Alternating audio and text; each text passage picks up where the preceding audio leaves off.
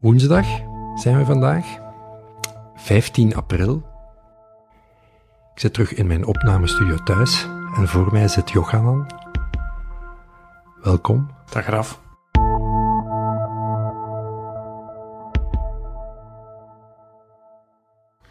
Kan je bij de start van het gesprek je even voorstellen? Want ik zei Johanan, spreek ik het juist uit, de nadruk ligt op de O, zei je. Wat is jouw achternaam?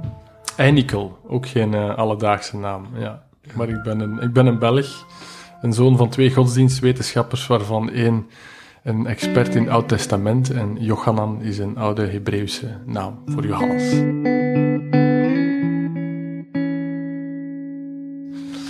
Um, en ik ben filosoof bij Ethion. Uh, Ethion is een ondernemersorganisatie. Ik ben uh, getrouwd en papa van drie kindjes.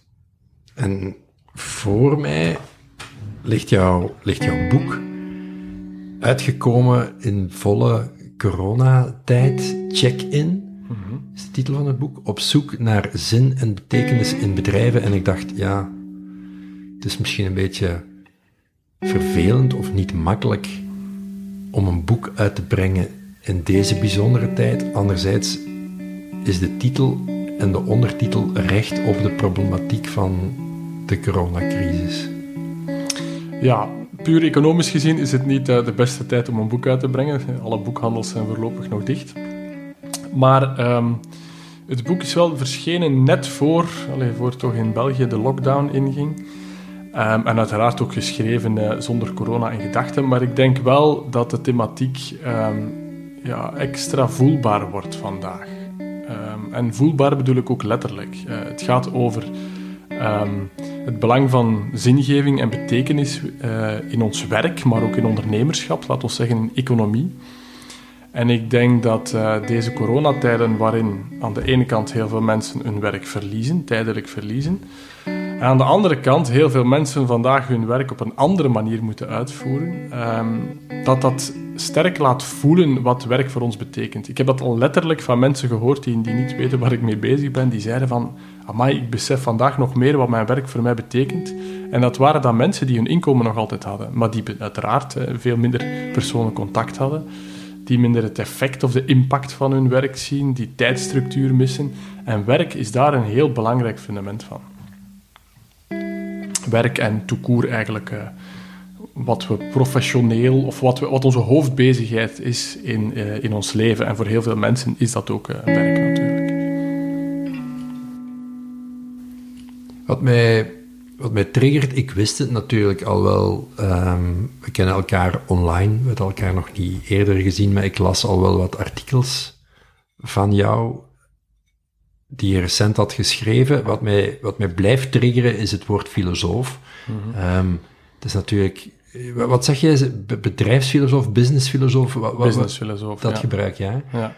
Uh, kan je daar iets over vertellen van, van waar... Ja, je bent ook filosoof van opleiding, ja, dus ja, dat, is, uh, dat is de logische, de logische stap. Altijd met de insteek richting bedrijven? Nee. Um, als je mij, in mijn, moest ik nu teruggaan naar mijn studententijd, en die is... Uh, ja, die is nu toch uh, 20 jaar geleden ben ik uh, met filosofie begonnen, meer dan toen, ja, 21 jaar geleden. En dat ik in het bedrijfswereld zou terechtkomen, zou ik uh, u nooit geloofd hebben. Nee, um, misschien een stapje terug. Hè. Ik, um, zoals al gezegd, ik ben kind van twee godsdienstwetenschappers. Um, dus de menswetenschappen waren al niet veraf in mijn jeugd. Uh, maar ook mijn grootvader, die in mijn, boek ook aan bod komt, uh, heeft een belangrijke rol gespeeld in, in uh, het voeden van de interesse van filosofie, voor filosofie. Hij was piloot, maar is na zijn carrière um, zich in de filosofie gaan verdiepen. Eigenlijk zelfs ook vanuit een meer existentiële, um, ja, toch crisiservaring van wat wil ik nu, wat ga ik nu doen in mijn leven. Hij, piloot was, in zijn, was een enorm belangrijk onderdeel van zijn identiteit. En hij zich dan gaan verdiepen in filosofie. En begin jaren 90 is dan De Wereld van Sophie, het boek van Jostijn Gaarder, uh, verschenen. Hè, dat aan de hand van een roman uh, de filosofie op een uh, bevattelijke manier uitlegt, de westerse filosofie. En hij heeft dat aan al van zijn kleinkinderen, elk van zijn kleinkinderen gegeven, waaronder mij. En dat heeft toch wel een uh, belangrijk zaadje geplant in mijn interesse voor filosofie. Hoe oud was je toen? Toen moet ik ongeveer 14 geweest zijn. Het boek is iets vroeger verschenen, maar toen ik het gelezen heb, moet ik ongeveer 14 geweest zijn. En dan ben ik filosofie gaan studeren. En uh, ik, ik, vond dat interessant, maar ik moet wel zeggen dat ik toch wel uh, op den duur zo'n beetje de vraag stelde. Niet direct van wat ga ik hiermee doen, financieel, economisch later, maar wel soms de, de directe relevantie voor de maatschappelijke problemen miste. In moraalfilosofie vond ik dat terug en in ethiek. Maar in de metafysica, die ik op zich interessant vond, vond ik toch soms moeilijk om zo de, ja, de toepassing, de, de betrokken filosofie, zoals iemand mij vertelde in mijn research, die miste ik daar wat. En die heb ik eigenlijk leren kennen aan de ene kant um, door kennis te maken met het Socrates gesprek. Socrates was eigenlijk de eerste businessfilosoof, zeg ik, in de zin van hij filosofeerde niet aan de academie of gaf geen lessen als professor, maar eh, op de agora, hm, op de markt, op de, het, economische centrum van Athene. Daar ging hij de, de captains of society van die tijd, eh, zoals ik schrijf, ondervragen over relevante thema's, zoals leiderschap en, eh, en, en over bepaalde waarden, over moed, over de liefde. En ja, wat hij vooral deed, was natuurlijk de mensen die daar dachten veel over te wisten, in verwarring brengen. En um, die, die kennis maken niet alleen met de, de, filosoof Socrates, maar ook met zijn gespreksmethodes, een aantal uh, mensen die daar uh, mee bezig zijn, heeft mij eigenlijk op weg gezet om eigenlijk met goede vragen uh, in gesprek te gaan over relevante thema's. En filosofie probeert eigenlijk ja, naar de diepte te duiken. Hè sterk vanuit de ratio. Nadien heb ik nog wel andere manieren verkend om uh, naar de diepte te duiken. Maar filosofie vanuit de ratio, de argumentatie achter wat iemand denkt. En um, ja, die, dat Socrates gesprek heeft mij wel een, een methodiek aangeleerd om met, ja, ook in de bedrijfswereld, hè, ook daar is leiderschap, vragen rond leiderschap die daar heersen, uh, vragen rond waar willen we naartoe met ons bedrijf. En daar kan de filosofische methode van Socrates wel wat, uh, bij helpen. En een tweede, misschien minder belangrijk nu, is eigenlijk een opleiding in het buitenland, of tenminste een semester van mijn filosofieopleiding in het buitenland, waar men veel meer eigenlijk niet uh, u over filosofie alles leerde, maar eigenlijk liet doen. Uh, je moest zelf lessen voorbereiden in kleine groepen. En dat heeft me toch wel wat op weg gezet naar ja, meer betrokken filosofie, die dan uiteindelijk meer naar de bedrijfswereld is gericht geraakt. Kan je daar nog iets over vertellen? Over dat Socrates-gesprek, dat intrigeert me wel. Mhm. Wat is de essentie van, van hoe zo'n gesprek gaat, of mhm. het uitgangspunt, en, en, en, hoe zou dat zinvol kunnen zijn vandaag voor leiders, bedrijfsleiders, leidinggevenden? Mhm. Um, de essentie van een Socratisch gesprek is dat je over een fundamentele vraag nadenkt. Dat wil zeggen, niet een vraag waarbij het antwoord uh, gewoon kan opzoeken. Hè, wat gebeurde er in jaar X of, of wie wat. Maar eigenlijk een, een fundamentele, een filosofische vraag. Um, maar een tweede essentieel element, um, en misschien is dat het belangrijkste, is dat het vertrekt van de ervaring.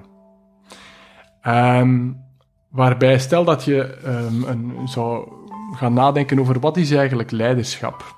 Dat je dan niet allerlei citaten begint aan te halen van autoriteiten over, zelfs geen onderzoeken over, die ook relevant kunnen zijn, maar wel wanneer ervaarde jij leiderschap? Of wanneer zag jij leiderschap? Of wanneer vond jij dat iemand leiderschap toonde? En vervolgens vanuit die concrete ervaring eigenlijk, dat heet dan de regressieve abstractie, eigenlijk terug meer naar het abstracte gaat. Van oké, als je dat leiderschap vond, hè, waarom vond je dat leiderschap? Wat was daar kenmerkend aan? En vervolgens kan je natuurlijk ook aan andere mensen in een groepsgesprek vragen van wat is voor u leiderschap? En eigenlijk van daaruit, vanuit de ervaring, meer naar het abstracte gaan. Um, nu, vooral duidelijkheid, Socrates heeft zelf nooit een methode gedoseerd. Het is meer een beetje vanuit de, de, de gesprekken die opgetekend door Plato, dat anderen daar eh, veel later eigenlijk in de, um, ja, vandaag al in de 20e eeuw begin van de 20e eeuw daarover eh, zijn beginnen schrijven. En die methodiek heeft me wel een andere manier van filosoferen en, en, van de werkelijkheid benaderen aangeleerd. Niet te veel vanuit het heel abstracte, maar vanuit de ervaring. Nu moet zeggen, vandaag gebruik ik die methodiek zelf ook niet zoveel meer. Maar wat ik wel, bijvoorbeeld als ik met groepenwerk doe, is ook vertrekken van de ervaring. Hè. Anders zit je veel te veel nog in de ratio, zoals ook Socrates dat ergens ook nog wel was.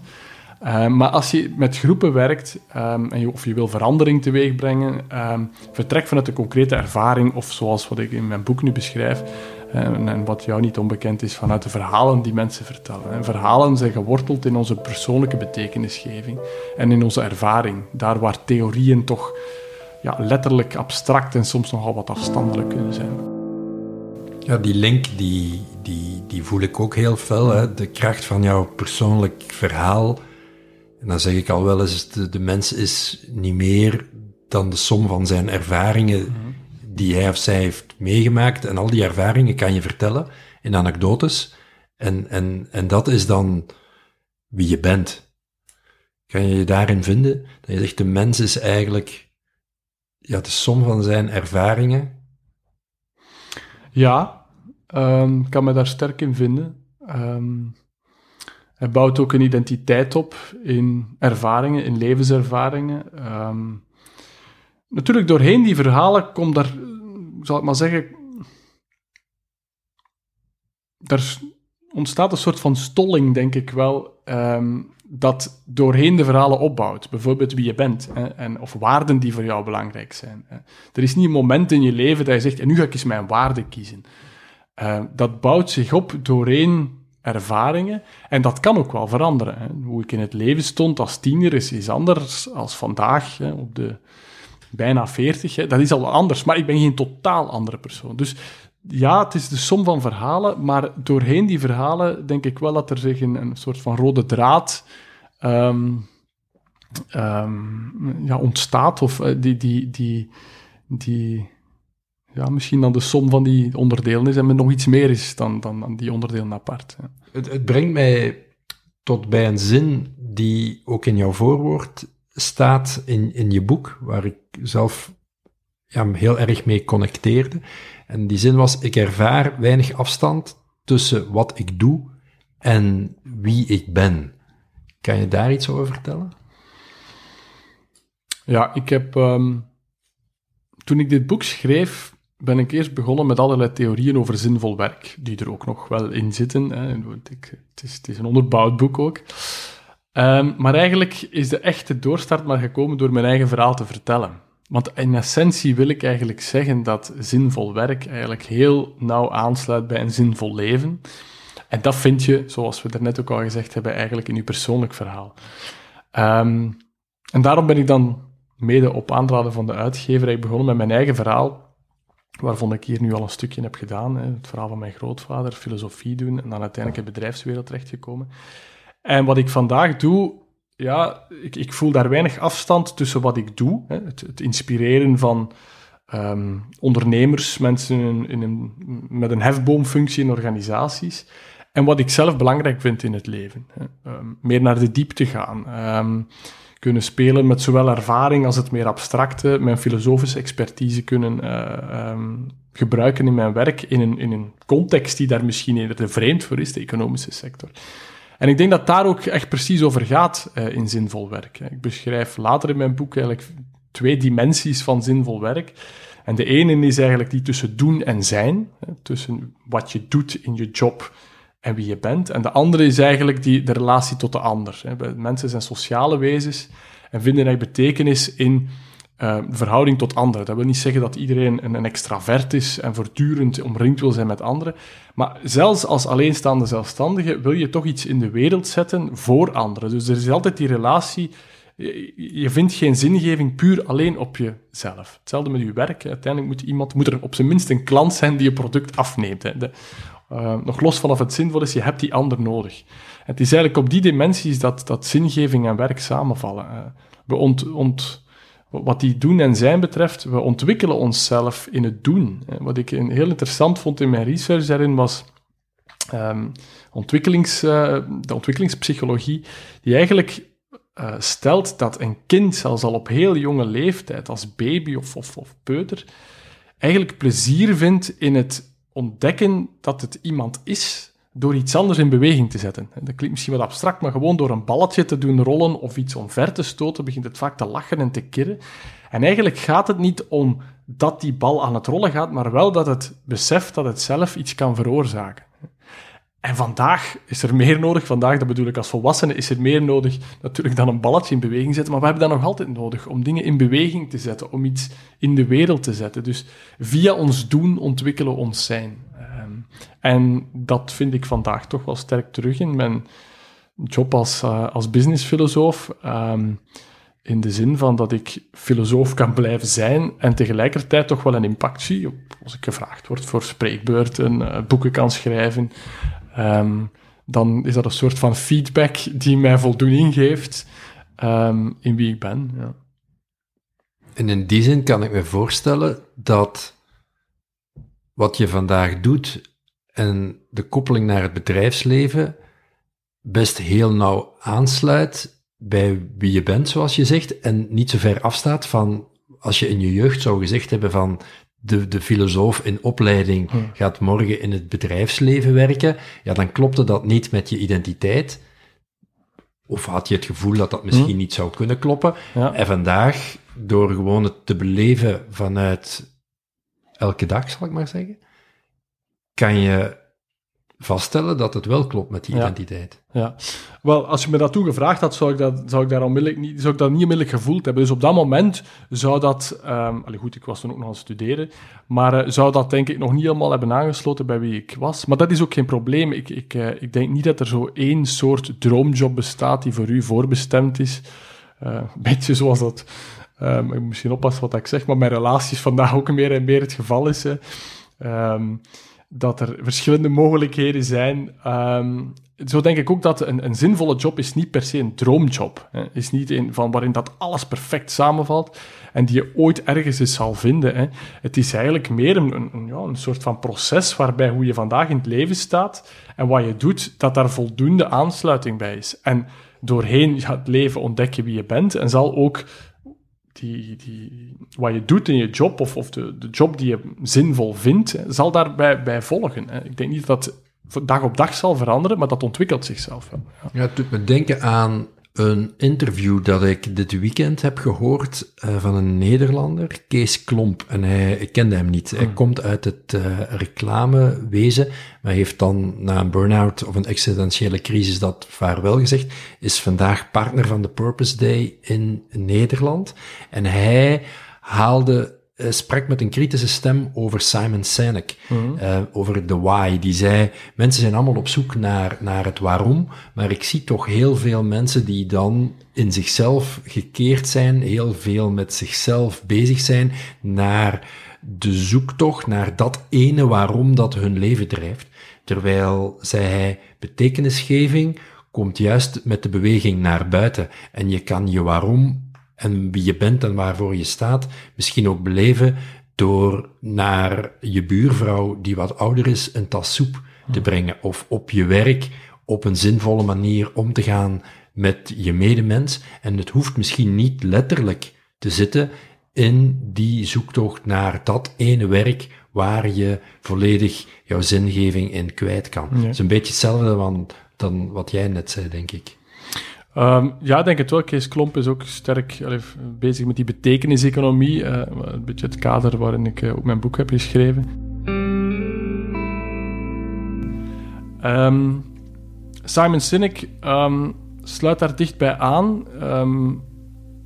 is natuurlijk in de eerste plaats wel, ik denk dat zijn, zijn bekende TED-talk daarover, waarin hij uh, eigenlijk zelfs over leiderschap gaat, hè, waarin die drie vormen, why, what, how en what, heb ik eigenlijk altijd meer gezien als een uh, verhaal rond marketing. Ik bedoel, een goed verhaal, hè, daar is ook niets mis mee. Hij is ook een marketeer. Hè. Hij doen, wat doen bedrijven goed, hè, die heel succesvol zijn? Hè, die hebben een heel sterke why. Hè. Um, de, de terminologie is hetzelfde, maar ik denk dat als het gaat over betekenisgeving, dat er toch ook nog een, een, een, een existentieel element is, is uh, waarom doe ik wat ik doe in de zin van wat is zinvol en niet per se wat sluit nu perfect aan bij de markt of wat dat mensen willen. Hè. Match dat goed, des te beter. Maar ik denk toch dat Sinek zijn verhaal nog. Vandaag is misschien anders met waar hij nu over schrijft, maar zeker dat dat oorspronkelijke verhaal toch nog in de eerste plaats een verhaal is over goede marketing. Dus uh, daarin volg ik wel een beetje wat je zegt van Kees Klomp. Ik heb hem nog niet ontmoet, maar heeft, we hebben al wel digitaal wat contact gehad. Ja. Hij zei ook dat Senex zijn verhaal why, what, how niks meer of niks minder is dan het oude missie, visie, ambitie. In wezen zit daar veel waarheid in, denk ik. Ja, het zou kunnen. Ik ben nu ook geen expert in Cynic, hoor. Ehm, maar dat zou kunnen. Nu, ik denk dat de... ehm, wat echt betekenisgerichte bedrijven onderscheidt ehm, van anderen, is denk ik dat ze die why, dat ook dat ze die why zoeken, maar dat ze die ook echt laten vertrekken bij van, van de medewerkers van het team, van de groep waarmee men werkt. Dat is een van de bouwstenen ook van, van, van, van zinvol werk. Wat is betekenisvol voor ons? Dat begint bij wat is betekenisvol voor mij, maar natuurlijk zullen daar verschillen in zijn. Zeker bij heel grote organisaties zullen er verschillen zijn tussen wat Piet of Ahmed of, of Fatima belangrijk vinden in hun leven. Maar door als bedrijf te gaan kijken wat vinden wij gezamenlijk betekenisvol en waar voelen wij de energie en waar niet, dan krijg je wel een soort van um, ja, gedeelde zingeving in een organisatie. En dan kan je ook wat, wat verwachten klanten van ons die buitenwereld daarvan bij, uh, bij gaan betrekken.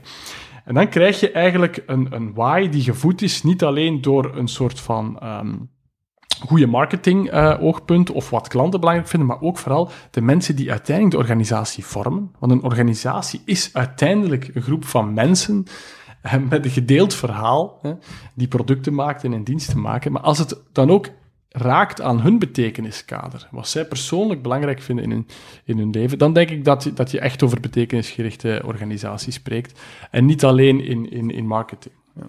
Hoe zou een bedrijf of een organisatie dat kunnen aanpakken om dat zichtbaar te maken? Want ik hoor jou zeggen, kijk naar jouw werknemers hmm. en hun persoonlijk verhaal en wat zij belangrijk vinden. Is dat dan aan de hand van het luisteren en het organiseren van verhalencirkels? Hmm. Of is er een manier om dat georganiseerd aan te pakken richting meer zingeving gekoppeld aan de persoonlijke zingeving van werknemers?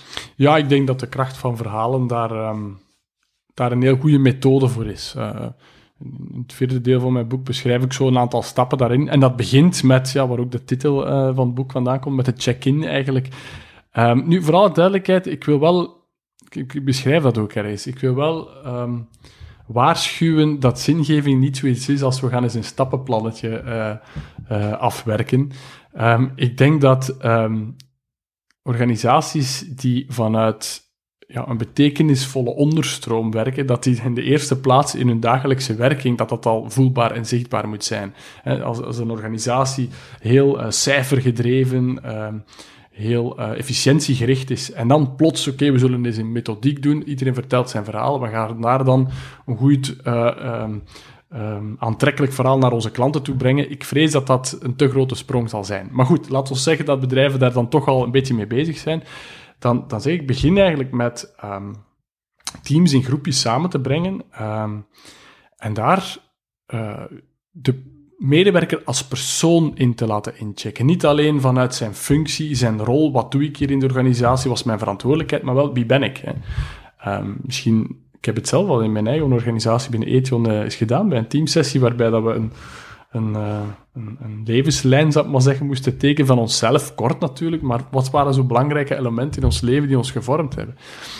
Um, dus breng die persoon, de medewerker, de werknemer, de medewerker als persoon aanwezig in um, die sessies. Um, en vervolgens kan je eigenlijk gaan zien van, kijk, ja, wie zijn wij eigenlijk? Wat is daar gemeenschappelijk in? Wat vinden wij gezamenlijk waardevol? Wat is ons verhaal? Hè? Van wat is van mijn verhaal? Wat is ons verhaal? Om vervolgens eigenlijk naar buiten toe, oké, wat is nu het verhaal dat wij naar klanten willen brengen? Wat verwachten klanten van ons?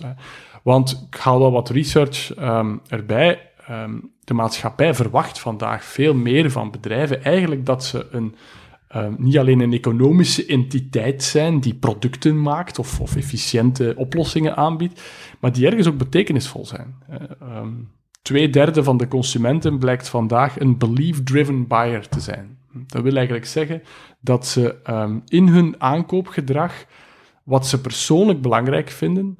Denk aan duurzaamheid, denk aan de werkomstandigheden van mensen.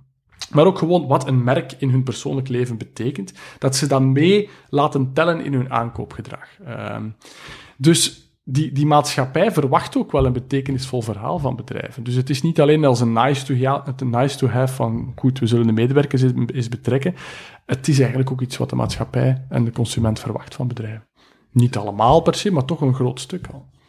Stel, ik ben leidinggevende in een bedrijf, ik organiseer zo'n verhalencirkel of een check-in en ik laat mensen vertellen vanuit wie ze zijn en waarvoor ze staan. Doe dat met een aantal groepen. Je hebt een hele complexiteit en een diepgang die je hoort in elkaars verhalen. Hoe ga je van die ik-verhalen naar het wij-verhaal? Hoe ga je na die luistersessies van misschien tientallen mensen hun persoonlijk verhaal gehoord te hebben, de brug maken naar waar staan wij nu voor als organisatie? Hoe zou je dat aanpakken? Eigenlijk, doordat iedereen zijn eigen verhaal vertelt en ook iedereen dat kan doen, ehm, ontstaat er al een wij zonder dat dat per se zo gestuurd moet worden um, of, of, of uh, in, in, in, in, in, in, methodieken moet vastgepakt worden. Um, je ziet dat als ik, ik, werk regelmatig ook met groepen bij onze leden, ondernemers.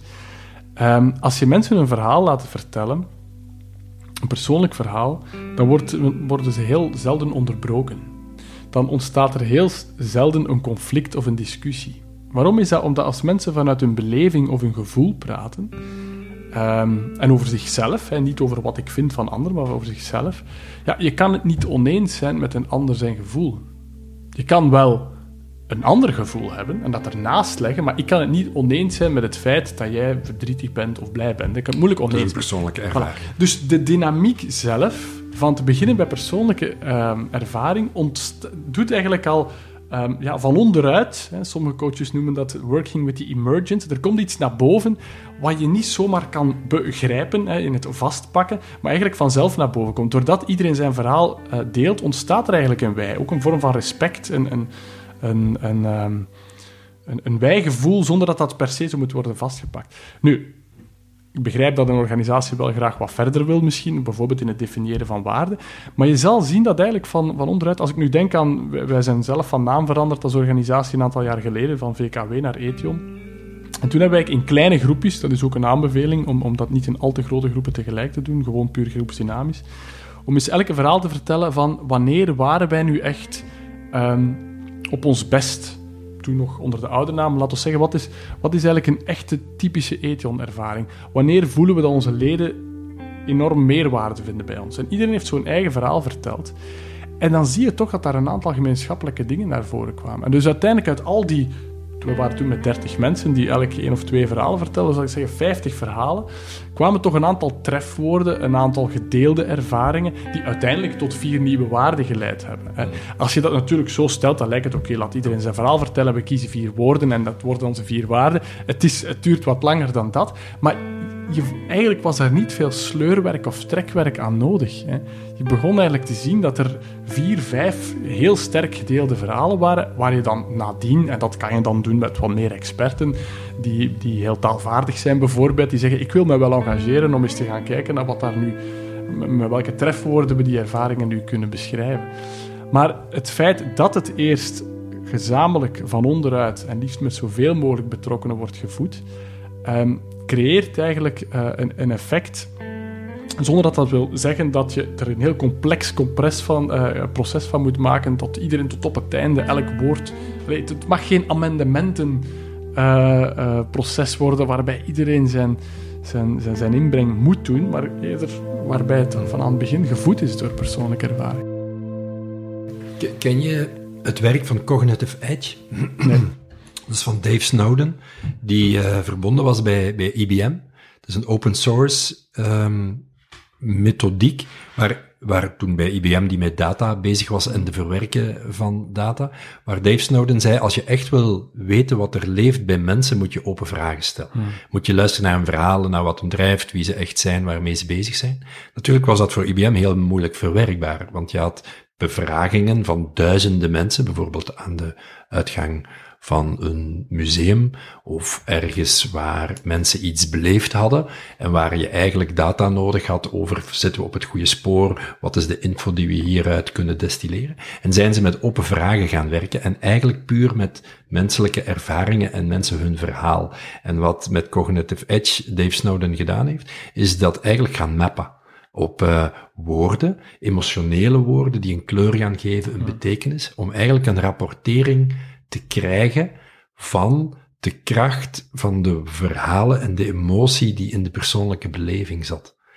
Het doet me ook denken aan een project dat ik uh, heb gedaan een paar jaar geleden. Was een scholengroep die eigenlijk, wat we definiëren, wie zijn we, waar staan we voor, dat op een niet-klassieke manier wilde doen en een foldertje willen maken voor niet alleen personeel, maar ook um, eigenlijk naar de ouders die interesse zouden hebben in de scholengroep. En heb ik ook net dat gedaan wat je zei.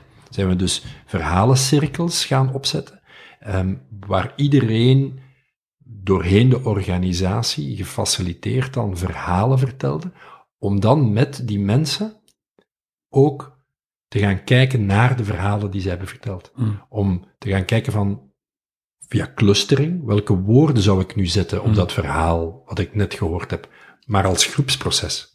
Als groep geluisterd naar hun eigen verhalen, als groep woorden gaan geven aan die verhalen, en zo kom je tot archetypes en eigenlijk ja. tot misschien nieuwe waarden of zichtbare ja. waarden vanuit de verhalen. Het is helemaal dat, denk ik. Ja, en, en, en het laat ook zien, ik denk dat er ook weinig mensen in de organisatie zich echt geroepen voelen of geroepen of zelfs zin hebben om mee aan het, het, het, het ja, puur uh, textuele van hoe gaan we onze missie samenstellen. Weinig mensen krijgen daar energie van. Maar dat het wel gevoed is vanuit hun eigen verhaal, daar krijgen ze wel energie van. Ook het omgekeerde heb ik al meegemaakt. Dat organisaties naar, naar ons komen en zeggen van ja, kijk, we hebben zoveel jaar geleden is onze waarde gedefinieerd, onze missie gedefinieerd, maar eigenlijk ja, hopelijk kennen de meeste mensen wel, maar wat daarachter zit, is verloren gegaan. Omdat het eigenlijk dateert uit een, een verhaal dat al ver in het verleden ligt, of omdat het niet meer gevoed is.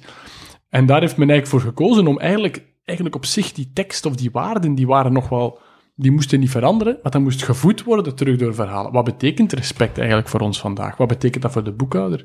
Wat betekent dat voor de, de uh, receptioniste? Hoe de telefoon opneemt en dergelijke meer? Wat betekent dat voor de manager? Um, dat moest eigenlijk terug door de praktijk en de praktijkverhalen gevoed worden. Het doet me ook denken aan het boek dat ik een paar jaar gelezen heb, waar Wouter Torfs het proces beschrijft van hoe zij tot uh, hun herziene waarden zijn gekomen van het bedrijf. Bezield werk of zo, denk ik, in het boek. Uh, iets in die zin. Hè? Of De ziel in een schoenendoos heeft er twee, denk ik. Ja, ja, ja. ja, ja. ja, ja absoluut. Ja, Wouter is iemand die... Um, allee, het is... Uh, het is aan de ene kant zo wat... Hij is echt een voorbeeld in wat bezielend ondernemen of zingevend ondernemen um, is, omdat hij ook heel sterk vanuit zijn eigen persoonlijk verhaal um, over zijn bedrijf vertelt, en dat doet hij ook in zijn boek. Um, alleen gaat het niet alleen over hem. Hè. Hij betrekt ook zijn, zijn, eigen medewerkers en hoe hij, zij zich in, hun, in die organisatie voelen. Um, dus uh, ik ben ook heel blij dat hij uh, op onze boekvoorstelling is iets komen vertellen. Um, ik denk alleen dat er nog wat meer mensen of ondernemers nodig zijn die daarmee naar buiten mogen komen. En Wouter doet dat heel goed en, en, en is daar terecht een voortrekker in.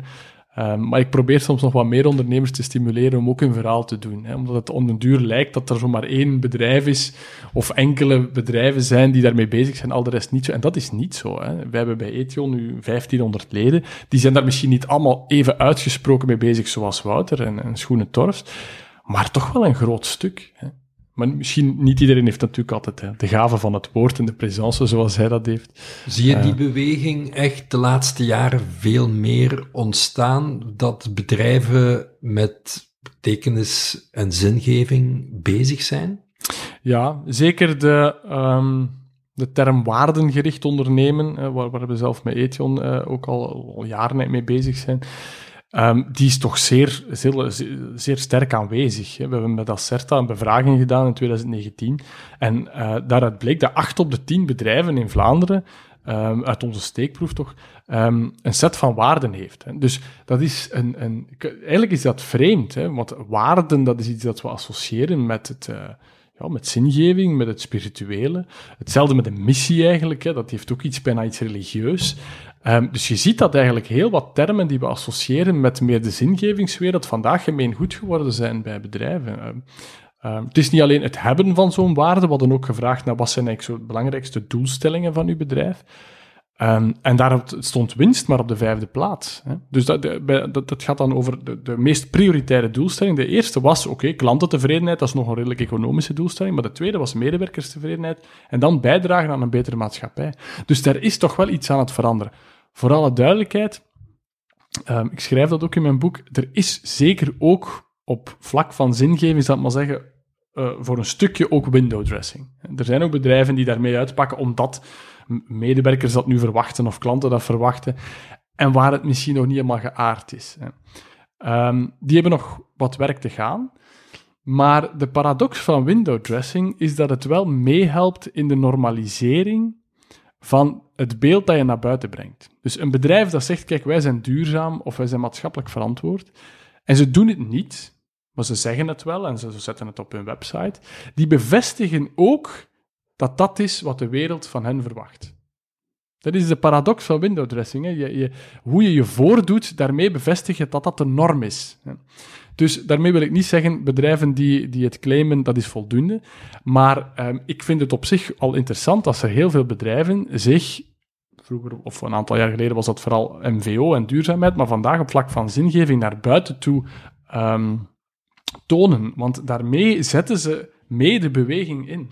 En er zijn nu zo'n aantal bedrijven hè, die, die vorig jaar, in 2019, in Amerika, die fameuze Business Roundtable van Amazon en, en General Motors en bedrijven waar, waar we ook soms wel wat vragen kunnen bij stellen over alle aspecten van ethisch ondernemen. Um, maar die dus uh, zich verenigd hebben al, al, sinds de jaren 70 in een uh, business council. En zij hebben nu eigenlijk de purpose of a corporation, de doelstelling van een onderneming, geherdefinieerd naar een organisatie die eigenlijk maatschappelijke meerwaarde moet uh, creëren. Wel, the proof of the pudding is in the eating, maar er wordt hier wel een nieuwe pudding geserveerd. En dat is op zich al interessant. Want je geeft eigenlijk ja, de maatschappij een stok om mee te slaan als ze het niet toepassen. Dus ik vind dat op zich ook wel gunstig dat bedrijven hun taal veranderen. Uh, words create worlds, um, zei iemand, ik weet niet wie, maar ik vind dat ook dat dat klopt. De woorden die we gebruiken, dat creëert ook wel een wereld en verwachtingen. Dus laat die bedrijven maar die, die nieuwe woorden gebruiken. Uh, het zal alleen maar, denk ik, mee op weg zetten naar een ja, meer zinvolle economie. En voor sommigen kan ik me voorstellen dat die, voor sommige bedrijfsleiders, leidinggevenden, dat die nieuwe woorden echt ook wel nieuw zijn. Hè? Geaardheid, spiritualiteit, mm. onderstroom, zingeving. Het zijn woorden die 50 jaar geleden mm. Veel wenkbrauwen zouden doen fronsen, omdat je de woorden van de economische realiteit, of dat die toch de boventoon voeren. Vandaag komt dat wat meer in balans, maar is voor sommige leidinggevenden misschien wel een hele grote stap. Ja, um,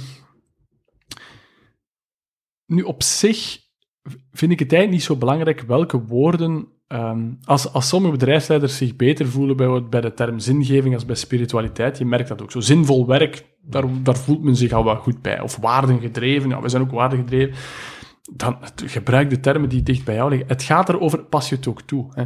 Want sommige uh, bedrijfsleiders zeggen mij ook, ja, probeer dat mij, komt dat mij maar eens uitleggen aan mijn, mijn, mijn arbeiders met een beperkte of uh, kort geschoold, beperkte opleiding. Um, dat is een uitdaging en dan ga je andere termen gebruiken. termen als goesting of waar, krijg je echt, eh, waar vind je plezier in je werk. Um, ik denk dat door, door de, de termen en de taal aan te passen... Um, aan de context waarin je opereert, hè, of, of, met wie je werkt, um, dat dat helemaal geen probleem hoeft te zijn. En dat geldt zelfs, zoals je, zoals je zelf zegt, niet alleen voor, voor arbeiders, maar ook voor sommige bedrijfsleiders zelf, die zeggen het moet ook niet te wollig worden. Geen probleem. Maar als het een excuus wordt om niet naar, ja, ik zal maar zeggen, toch naar die, die diepte te gaan. Hè. Wat vinden we nu echt belangrijk in deze organisatie? Hè, in deze organisatie? Um, waar krijgen we goesting van? Als die wil er niet is, dan denk ik dat het toch meer een excuus is uh, om, om, om ja, niet te diepte in te willen gaan, dan wel het totaal een probleem zou zijn. Is dat iets dat je ook in je eigen persoonlijke leven ziet ontwikkelen? Je, je eigen zoektocht of je eigen weg, hmm. je eigen pad vinden naar meer betekenisvol leven en werk?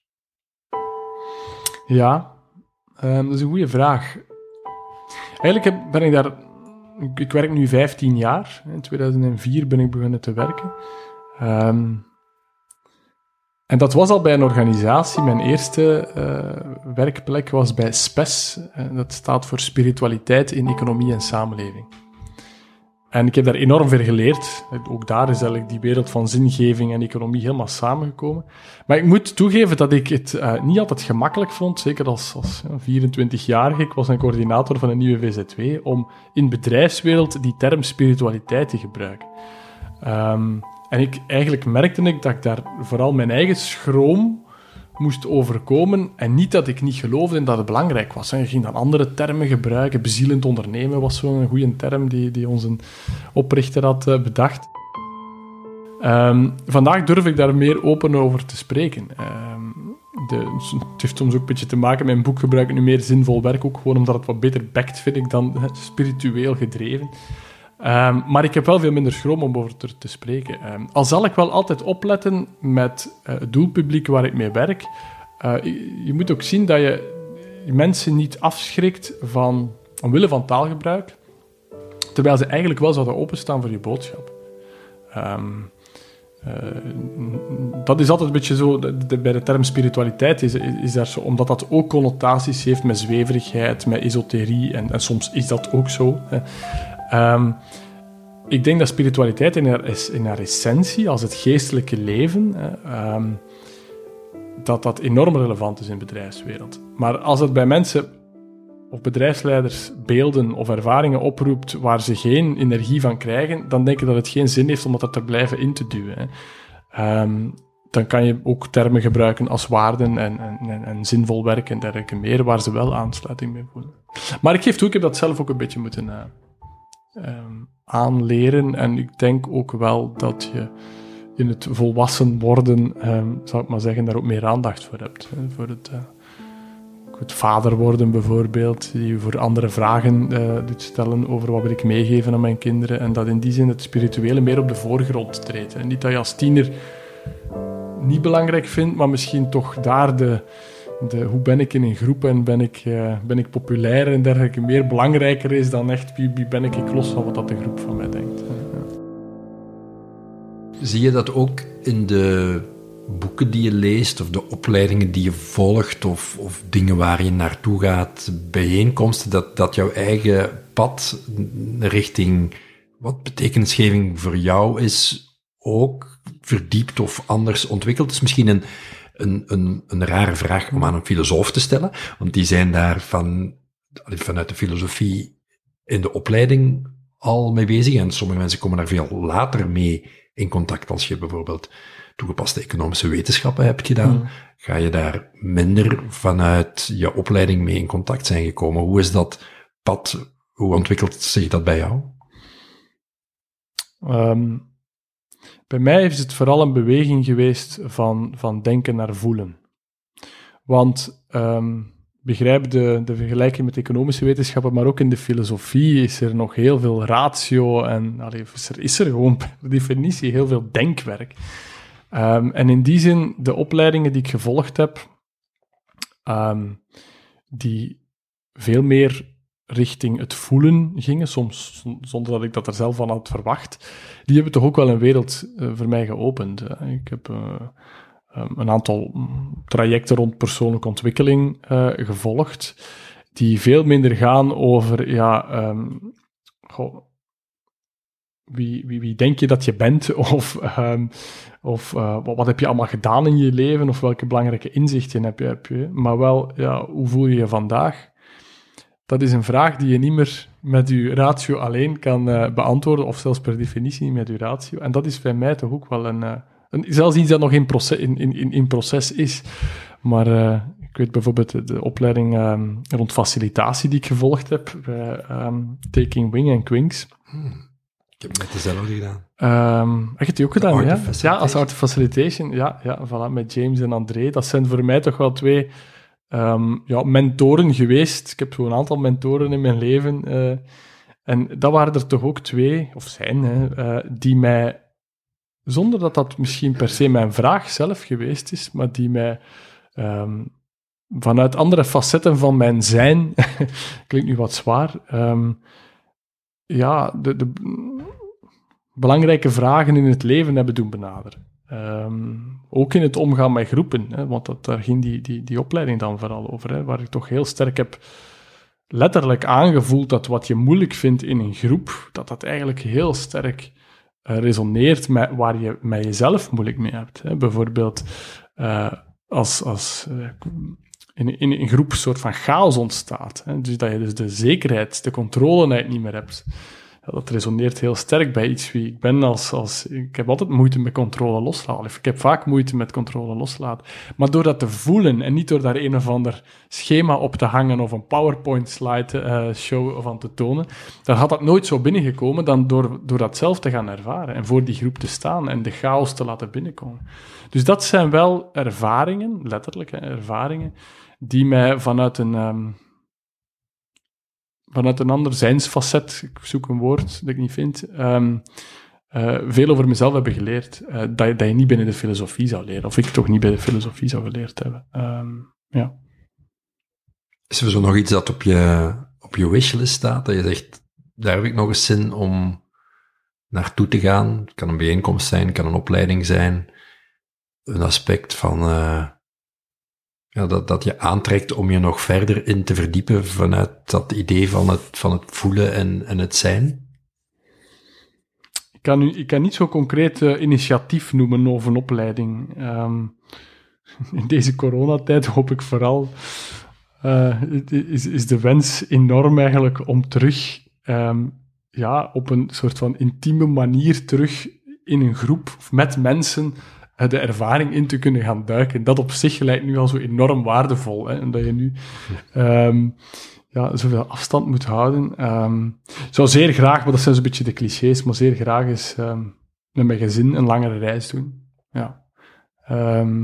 Niet per se om, om alle hoogtepunten van de wereld op mijn, op mijn, in mijn bucketlist te hebben, maar wel om eens eigenlijk ja, lang onderweg te zijn met mijn gezin. Dus mijn kinderen zijn tussen vier en, en, en negen jaar, dus die zijn nog jong, maar laat ons zeggen dat over een aantal jaren dat zoiets in principe zou moeten kunnen. Um, mijn ouders hebben nooit veel geïnvesteerd in materiële zaken. Allee, wel de nodige zaken, maar, maar niet in, materiële luxe. Maar ze hebben ons wel een aantal grote reizen meegegeven in onze jeugd. Um, en dat is toch wel iets dat ik ook wel eens graag zou willen doen met mijn kinderen, omdat je daar toch ook een reis, daar leer je veel over jezelf. En ook in gezinsverband, uh, misschien zelfs nog meer dan, dan in, ja, allee, evenzeer dan, dan, dan in opleidingen die daarop gericht zijn. Dus. Denk je dat deze periode van stilstand, de beweging naar, naar zingeving, naar check-in, zoals je boek noemt, dat die sneller zou kunnen gemaakt worden, dat er een soort van awakening, een bewustwording is bij veel mensen die in een versnelling is gekomen en dat we terugkeren naar het bedrijfsleven met een, of voor sommigen, een, een nieuwe mentaliteit? de crisis als opportuniteit? De crisis als kans. En, um, ik wil opletten met voorspellingen. Um, maar zoals ik aan het begin van ons gesprek gezegd heb, uh, op een gedwongen manier worden we nu naar, we worden nu naar binnen gedwongen. Hè. Letterlijk blijven we nu kot, maar door, door zo ja, geïsoleerd te leven, ja, zijn we ook meer geconfronteerd met onszelf. En dan denk ik bijvoorbeeld in relatie tot ons werk, dat we ons vandaag, ja, letterlijk de betekenis van werk meer gaan aanvoelen. Wat wil ik? Misschien, pas op, vooral duidelijkheid, dat wil niet zeggen van wat mis ik alleen maar, maar ook bijvoorbeeld, eigenlijk ik heb dat nu zelf minder, maar ik hoor soms andere mensen zeggen, die zeggen van wat een bevrijding. Uh, eigenlijk is dat niks voor mij om zo op een landschapskantoor te werken of voortdurend in contact te zijn met mensen. De manier waarop ik nu mijn werk uitvoer voelt veel aangenamer. Misschien moet ik nadien uh, werk uh, zoeken dat daar veel meer bij aansluit. Dus je wordt meer bij u, met uzelf geconfronteerd en wat belangrijk is in uw leven. En ik zou zeggen, luister daar ook naar. het is een unieke, experiment is niet het juiste woord, maar periode om, om om te voelen. Om te voelen, ja, voilà. Wat ik wel denk is, ik hoor ook sommige stemmen, en daar ben ik een beetje kritisch voor, die um, ja, dit als een soort van nieuw normaal zien. Um, daar terecht misschien ook wel een aantal positieve elementen in zien. Kijk eens, de lucht is zuiver, uh, er is geen stress, er zijn geen files. Maar dan denk ik wel van, ja, laat ons ten eerste niet vergeten met welke pijn dat gepaard gaat. Hè. Meer dan een miljoen mensen technisch werkloos. Ehm, en dan nog alle financiële eh, gevolgen van dien. En ook, ik denk dat mensen, als het één keer kan, dat we terug naar buiten gaan, ook net bijna de, de luxe van het vertrouwde gaan omarmen. Dat wil niet zeggen dat we terug, dat hoop ik ook niet, terug onmiddellijk een red race willen. Maar wel dat ja, het, het bezig zijn, mensen ontmoeten, ook een vorm van ook energie geeft. Hè. In Jas de Vis, de filosoof van, van de Universiteit Gent, noemt dat zo die rusteloosheid. Daar zit ook een bron van zingeving in. Hè. Het, als, als alles in extreme vervalt, is het niet goed. Maar voor veel mensen het feit dat we, dat we, dat, dat we ja, dat we dingen te doen hebben. En zelfs met een beetje druk, dat geeft ook uh, energie aan het leven. Dus uh, ik, ik uh, ben een beetje kritisch voor dat, dat deze rust en stilte die nu over ons valt, dat dat iets is dat we gaan willen blijven, blijven aanhouden. Ik denk dat we die ook soms terug gaan willen doorbreken. Maar ik spreek ook wel uit mezelf, dat weet ik. Ik ben, ik ben heel blij met dit gesprek. Um, het sluit zo heel fijn aan ook bij, bij de dingen waar ik vanuit verhalen mee, mee bezig ben. Dus er zijn zoveel raakpunten. Dus dank je om tot hier te komen en jouw verhaal te delen. Dank u wel. Ik vond het ook een heel fijn gesprek. Voor mensen die op zoek zijn naar meer betekenisgeving in het werk, wat drijft de mens, wat drijft jou, wat zijn uh, de bestaansredenen van een bedrijf koppeling tussen praktijk en filosofie, betekenisgeving voor bedrijven, het boek van Johanan. Check-in noemt het boek, op zoek naar zin en betekenis in bedrijven, uitgegeven bij Lano Campus. En uh, ik heb het nu vast. Warm, hè? Net uit. Voor nu bedankt voor het luisteren en graag tot een volgende keer.